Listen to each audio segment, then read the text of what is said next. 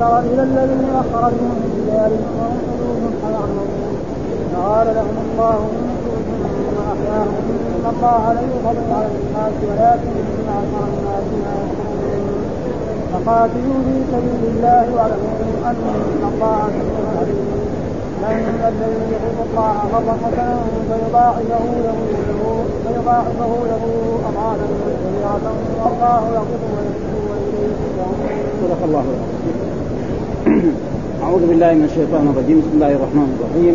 يقول الله تعالى وهو أصدق القائلين ألم تر إلى الذين خرجوا من ديارهم وهم ألوف حذر الموت؟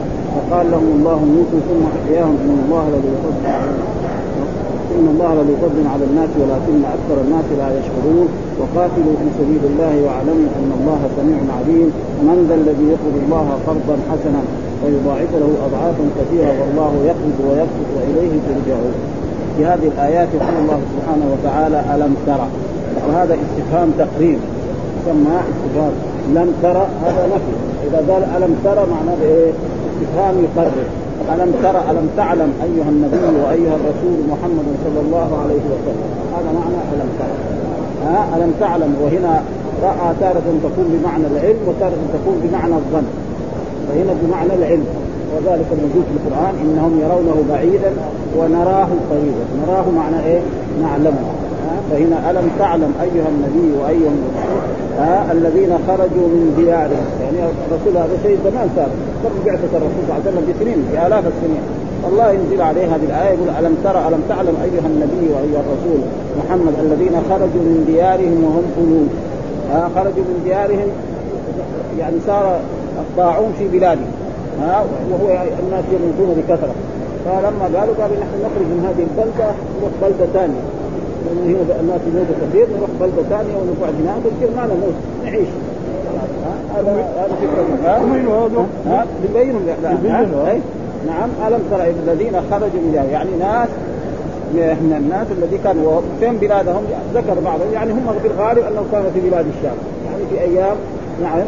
بني إسرائيل كانوا هناك. بعضهم يقول إيه ادرعات ادرعات معروف إلى الآن بلده في الشام اسمها ادرعات معروفة معروفه وبعضهم قال إنها ذا ذروان والمقصود هو أي بلدة من البلدان وكانوا في هذا المكان.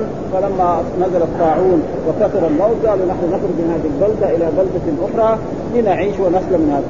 فلما خرجوا من هذه البلدة ووصلوا إلى مكان ونزلوا فيه نعم آه أمر الله قال لهم موتوا.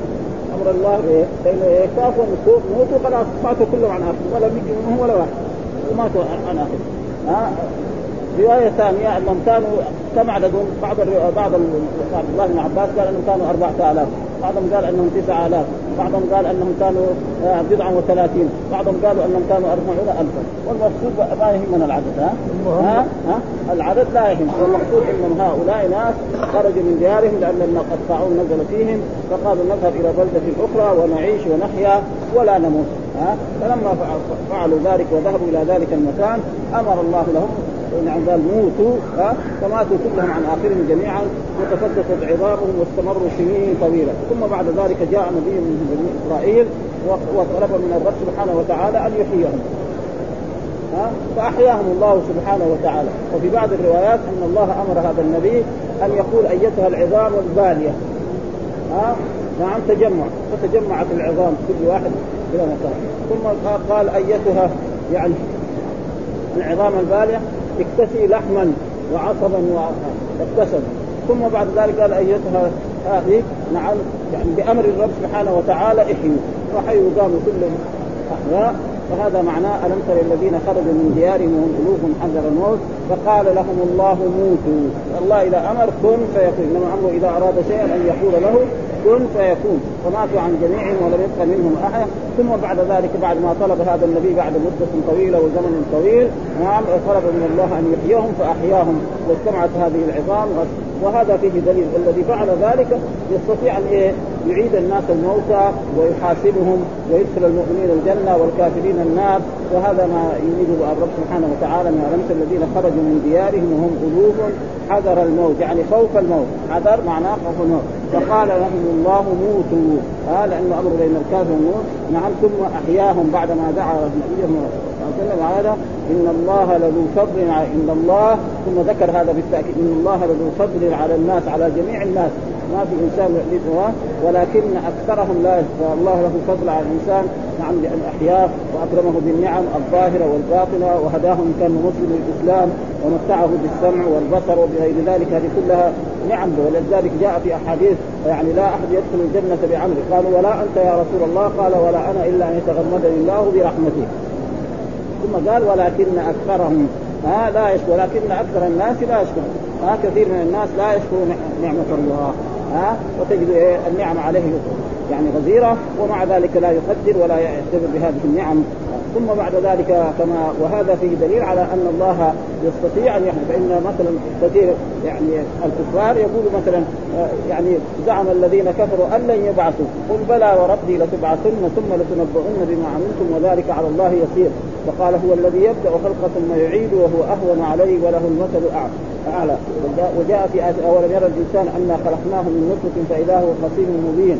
وضرب لنا مثلا ونسي خلق قال من يحيي العظام وهي رميم؟ قل يحييها الذي أنشأها أول مرة وهو بكل خلق عليم. ثم قال الذي جعل لك من الشجر الأخضر نارا فإذا الشجر الأخضر لازم ما يتولع به الناس ولكن الله جعل شجره في البرد. تقول كذا دائما لو واحد يبغى يطلب بشجر أخضر يتعب يقعد طول النهار ما وهذا شجر اخضر موجود في والعرب يعرفوه. ها؟ هذا ها؟ فلذلك فالله ثم قال ثم ثم قال وقاتلوا في سبيل الله. يعني أمر الله عباده أن يقاتل في سبيل بعض الناس يقول لك لما أنا أروح أقاتل في سبيل الله في الجهاد أقتل. لا المسألة ما هو الموت ما يجي الانسان إلا في وقت محدد الذي عينه الله وقدره عليه في اليوم ذلك وفي تلك الساعة يعني خروج للجهاد وقتاله في الجهاد هذا لا إيه لا يقدمه إلى الموت ولا يأخذ. فإذا قعد كمان في البيت برضه إذا كان جاء أجل يجي الموت. زي ما قال الله أينما تكونوا يدرككم الموت ولو كنتم في بروج مشيدة.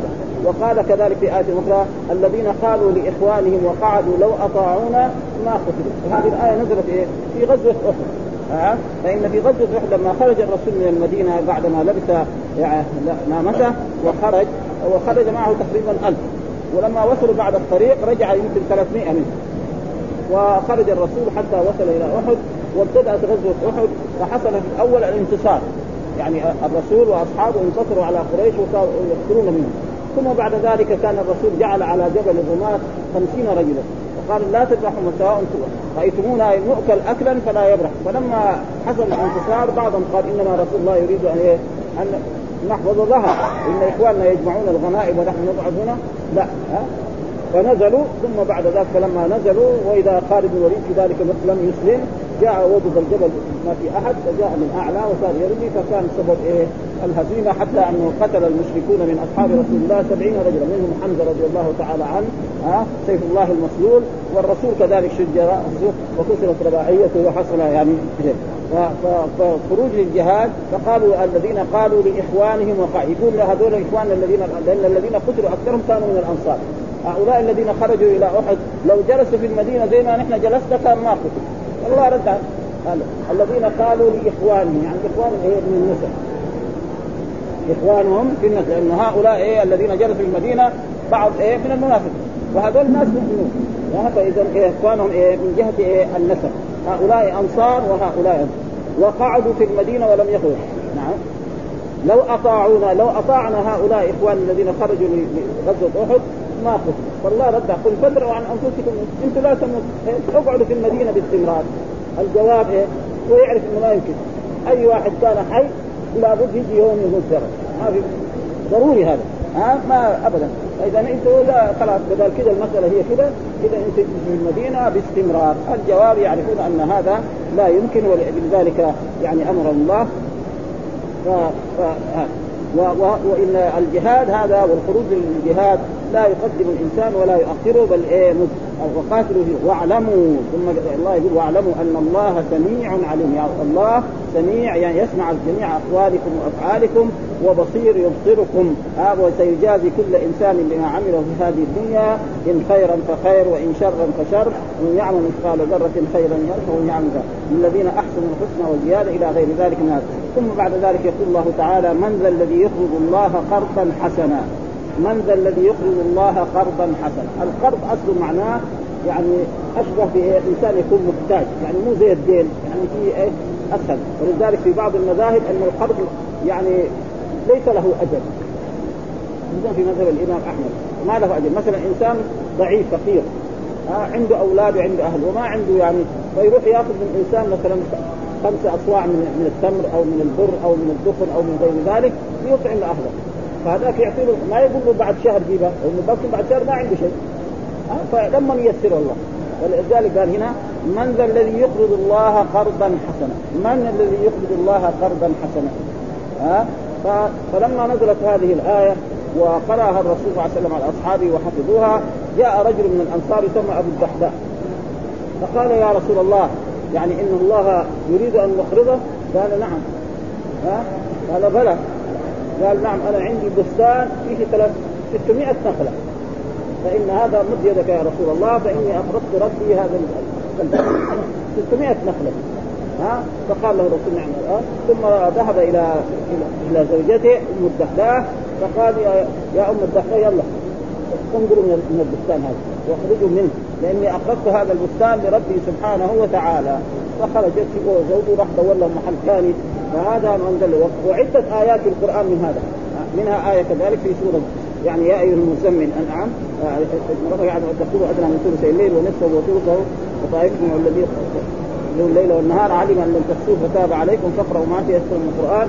علم أن سيكون منكم مرضى وآخرون يضربون في الأرض يبتغون من فضل الله وآخرون يقاتلون في سبيل الله. فاقرأوا ما تيسر منه وأقيموا الصلاة وآتوا الزكاة وأقرضوا الله قرضا حسنا. وما تقدموا لأنفسكم من خير تجدوه عند الله هو خيرا وأعظم. ها فإقرار الله. وكذلك حصل ذلك مثلا ما أنزل الله تعالى لن تنالوا البر حتى تنفقوا مما تحبون. ها لما نزلت هذه الآية كان يعني أبو طلحة كان عنده بستان وهذا البستان يعني في شمال إيه المدينة محل كان فندق يعني الزهراء هذا اللي في هذا وكان فيه زي رحاء ماؤها حلو. فجاء إلى النبي صلى الله عليه وسلم فقال هذا يعني أنا إذا كان الله يقول انت حتى توفي إن أحب مال إليها بيرحاء وقد جعلته يعني صدقة. فضعه يا رسول الله في من تحب فأخذه الرسول ووضعه في أقاربه. وكان من جملة أقاربه أبو أيوب الأنصاري. نعم فوزعه عليهم. وقال ما ذلك مال رابح ذلك مال رابح. وجاء في مضاعفة الحسنات والأجر كبير. نعم. نعم مثل الذين ينفقون اموالا في سبيل الله كمثل حبة أنبتت سبع سنابل في كل سنبلة 100 حبة والله يضاعف. وجاء في الأحاديث الصحيحة مثلا من هم بحسنة فعملها كتبها الله عنده عشر حسنات إلى 700 ضعف إلى أضعاف كثيرة.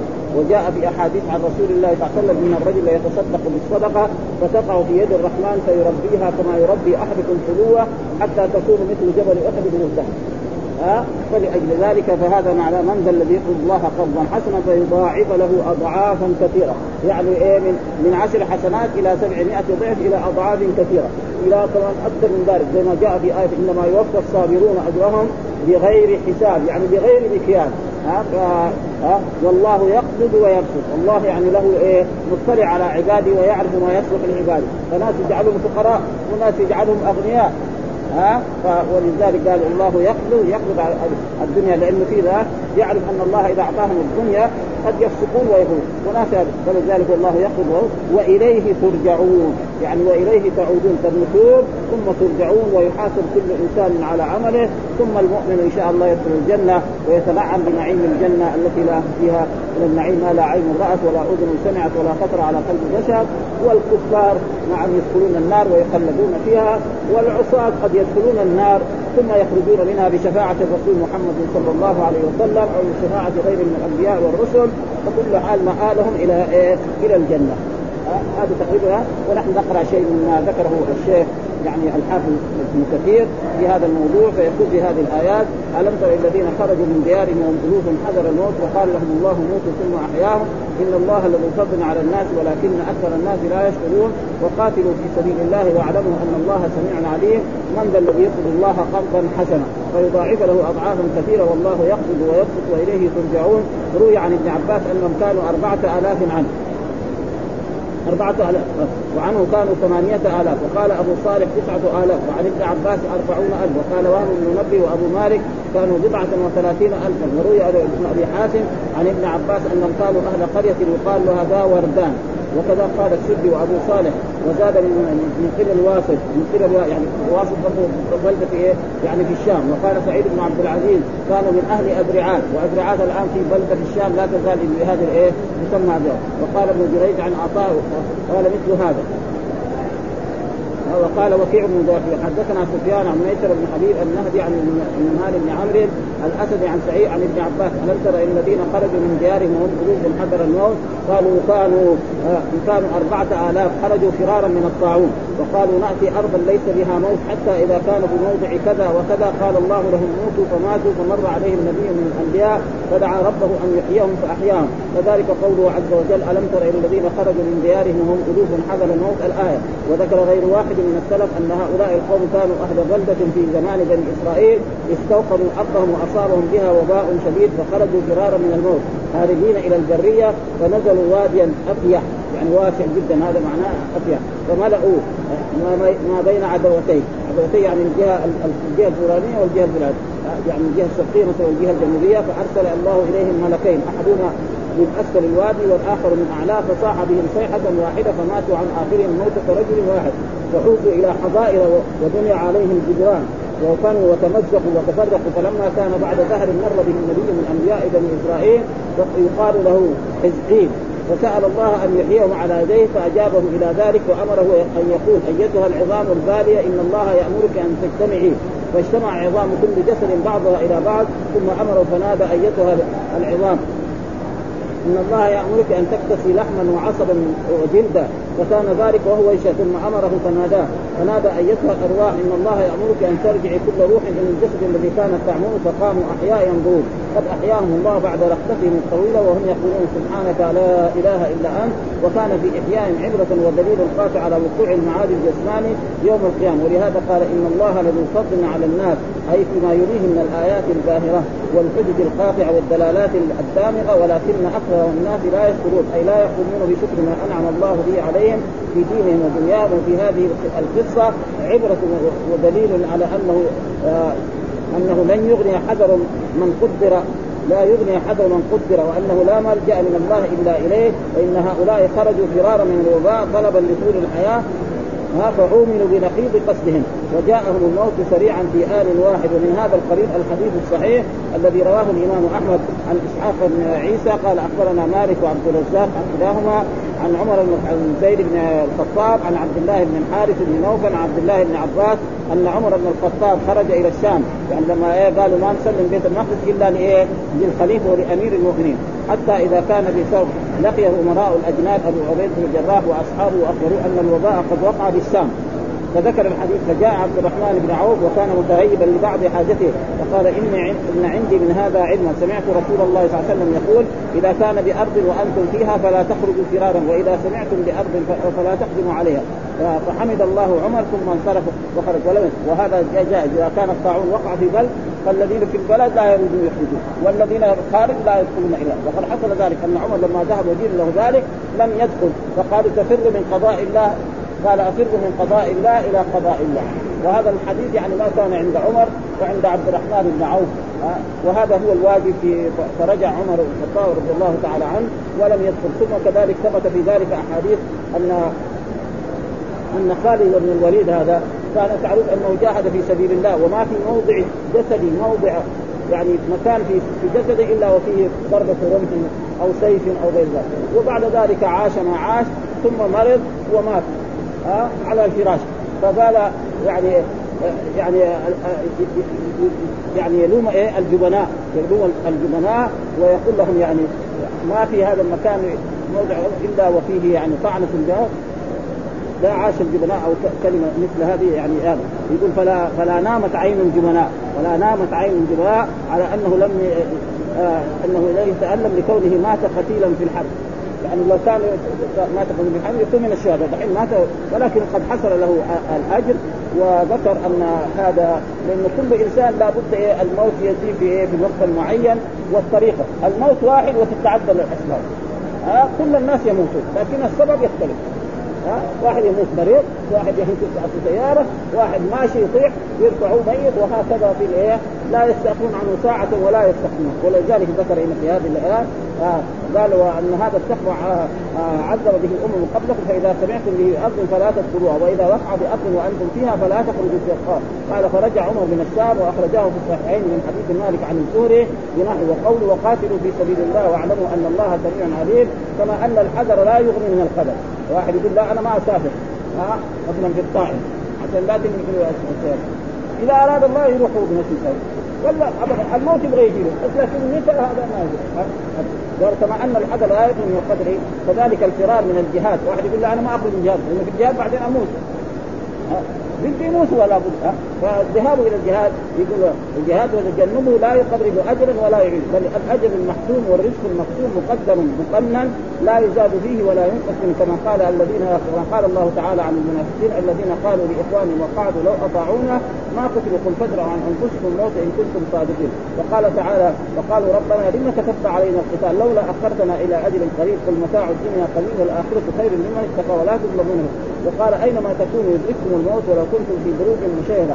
وروينا عن أمير الجيوش ومقدم العساكر وحامي حوزه الإسلام وسيف الله المسلوم على أعداء أبي سليمان خالد بن الوليد رضي الله تعالى عنه أنه قال وهو في سياق الموت لقد شهدت كذا وكذا موقعا وما من عضو من أعضائي إلا وفيه آه رمية أو طعنة أو ضربة وها أنا ذا أموت على فراشي كما يموت البعير.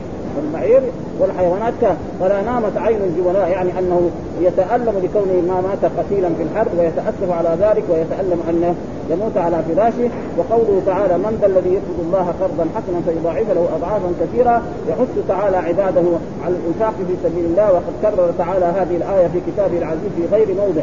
وفي حديث النزول أنه يقول تعالى من يقرض غير عديم ولا ظلوم. يعني الله مو يقرض عشان ولذلك اليهود قال نعم لقد كفر الذين قال لقد كفر الذين قالوا إن الله فقير ونحن أغنياء فنكتب ما قالوا وقتلهم الأنبياء. قال الذي يقترض دائما يكون فقير. فالله واحد يقول أن الله فقير. ابدا فالله هو إنما هذا يعني يحث تعالى هذا. وعن أبي حاتم ذا الذي يقرض الله قرضا حسنا قال أبو الدحداح الأنصاري يا رسول الله إن الله عز وجل لا يريد منا القرض. قال نعم يا ابا الدحداح. قال إني أرني يدك يا رسول الله. قال فناوله يده. قال إن فإني قد أقرضت ربي عز وجل حائطي. قال وحائط له في 600 نخلة. وأم الدحداح فيه وعيالها. قال فجاء أبو الدحداح فناداها يا أم الدحداح. قالت لبيك. قال أخرجي فقد أقرضته ربي عز وجل. ها؟ وكذلك قصه إيه؟ أبو طلحة. هذه ما ذكرها هنا. سيذكرها في إيه؟ في السورة التي بعدها في سورة إيه؟ يعني سورة آل عمران. وروى عن عمر وغيره من السلف هو وقال بعضهم هو النفقة في سبيل الله، إيش القرض؟ يعني النفقة في إيه؟ في سبيل الله، وقيل هو النفقة على العيال، يعني كون الإنسان ينفق على عياله هذا هو، وقيل هو التسبيح والتقديم، ولكن الأول هو الذي يضع فيضاعف له اضعافا كثيرة كما قال تعالى مثل الذين ينفقون اموالا في سبيل الله كمثل حبة انبت سبع سنابل بكل سنبلة يتحفظ والله يضاعف من يشاء وسيأتي الكلام عليها. وقال الإمام أحمد حدثنا عن أبي عثمان النهدي قال أتيت أبا هريرة رضي الله تعالى عنه وقلت له إنه قد بلغني أنك تقول إن إن الحسن تضاعف ألف ألف حسنة قال وما أعجبك من ذلك؟ آه لقد سمعت من النبي صلى الله عليه وسلم يقول إن الله يضاعف الحسنة الفي ألفي حسنة. هذا حديث غريب وعلي بن زيد بن جدعان عندهم مناكير ولكن رواه ابن أبي حاتم من وجه آخر فقال حدثنا أبو, خلاد سليمان بن خلاد المؤدب حدثنا إلى إلى أبي عثمان النهدي قال لم يكن أحد أكثر مجالسة لأبي هريرة مني فقدم قبلي حاجا. قال وقدمت بعده فإذا أهل البصرة يؤثرون يؤثرون عن أنه قال سمعت رسول الله صلى الله عليه وسلم يقول إن الله يضاعف الحسنة ألف ألف حسنة فقلت ويحكم والله ما كان أحد أكثر مجالسة لأبي هريرة مني وما سمعت هذا الحديث فتحملت أريد أن ألحقه فوجدته قد انطلق حاجا فانطلقت إلى الحج أن ألقاه في هذا الحديث فلقي يعني عشان إيه يسأل عن هذا الحديث يقوم يترك البصرة ويجي إلى إيه؟ إلى مكة يحج ويسأل إيه؟ أبا هريرة عن هذا الحديث الذي رواه وكان العلماء بهذه الطريقة آه فلقيت فقلت يا أبا ما حديث سمعت أهل البصرة يخبرون عنه؟ قال وما قلت زعموا أنك تقول إن الله يضاعف الحسنة ألف ألف حسنة. قال يا أبا عثمان وما تعجب من ذلك؟ والله يقول من ذا الذي يقرض الله قرضا حتى يضاعف له اضعافا؟ كمان كبيرة. كثيرة مليون كمان الأولين ما يعرف مليون لأنه في واحد قالوا له يعني, يعني رجل عادي يقول يعني في عدد أكثر من 300 ما في يعني كذا هو رجل رجل عادي. دحين نسمع ملايين وفي بلايين كمان وفي أشياء يمكن ما بيدري عدد يعني. ها؟ ها؟ وإلا الناس الأولين يعرفوا يعني يمكن واحد بعض الناس يمكن ما يعرف من واحد إلى عشرة. هذا يعني أكبر إيه؟ عدد عنده. فالناس الأولين يقول فإذا اضعافا كثيرة إلى ما شاء الله. هذا ها؟ ويقول وما متاع الدنيا في الآخرة إلا هو. والذي نفسي بيده لقد سمعت رسوله يقول إن الله يضاعف الحسنة ألفي ألفي حسنة. ومعنى هذا الحديث ما رواه الترمذي من طريق عمرو بن دينار عن عبد الله بن عمر بن الخطاب أن قال من دخل سوقا من الأسواق فقال لا إله إلا الله وحده لا شريك له له الملك وله الحمد وهو على كل شيء قدير. كتب الله له ألف ألف حسنة ومحى عنه ألف ألف سيئة. الحديث ها؟ ابن أبي حاتم كذلك جاء في القرآن مثل الذين ينفقون اموالا في سبيل الله كمثل حبة أنبت السبع سنابل إلى آخره. في كل سنبلة 100 حبة والله يضاعف لمن يشاء. شيء هذا ها؟ وقال هنا في هذه الآية آه مثل الذين ينفقون ما إلى آخره فقال آه رسول الله صلى الله عليه وسلم ربي زدني زد أمتي فنزلت من ذا الذي يقرض الله قرضا حسنا فيضاعف له أضعافا كثيرة. من إيه؟ كثيرة. قال رب زدني أمتي فنزلت إنما يوفى الصابرون أجرهم بغير حساب. هذا كان يكون إيه أجر وروى ابن أبي حاتم عن كان الاحبار قال يقول من قرأ قل والله أحد مرة واحدة بنى الله له عشرة آلاف ألف غرفة. آه من در وياقوت في الجنة وصدق بذلك؟ قال نعم. وعجبت من ذلك؟ قال نعم. وعشرين ألف ألف وثلاثين ألف ألف. وما لا يخفى ذلك إلا الله. ثم قرأ من ذا الذي يقبل الله قبضا حسنا فيضاعف له أضعافا كثيرة. فالكثير من الله لا يحصى والله يقبض ويرفض. يعني انفق ولا تبالوا فإن الله هو الرزاق يضيق على من يشاء من عباده بالرزق ويوسع على آخرين. له الحكمة البالغة في ذلك وإليه ترجعون. هذا فيه التفات وإليه كانوا يرجعون. لكن ذا فيه التفات وإليه ترجعون. وهذا كثير في القرآن كمان يأتي يعني في الصور وفي هذا. ها؟ والحمد لله رب العالمين وصلى الله وسلم على نبينا محمد وعلى آله وصحبه وسلم.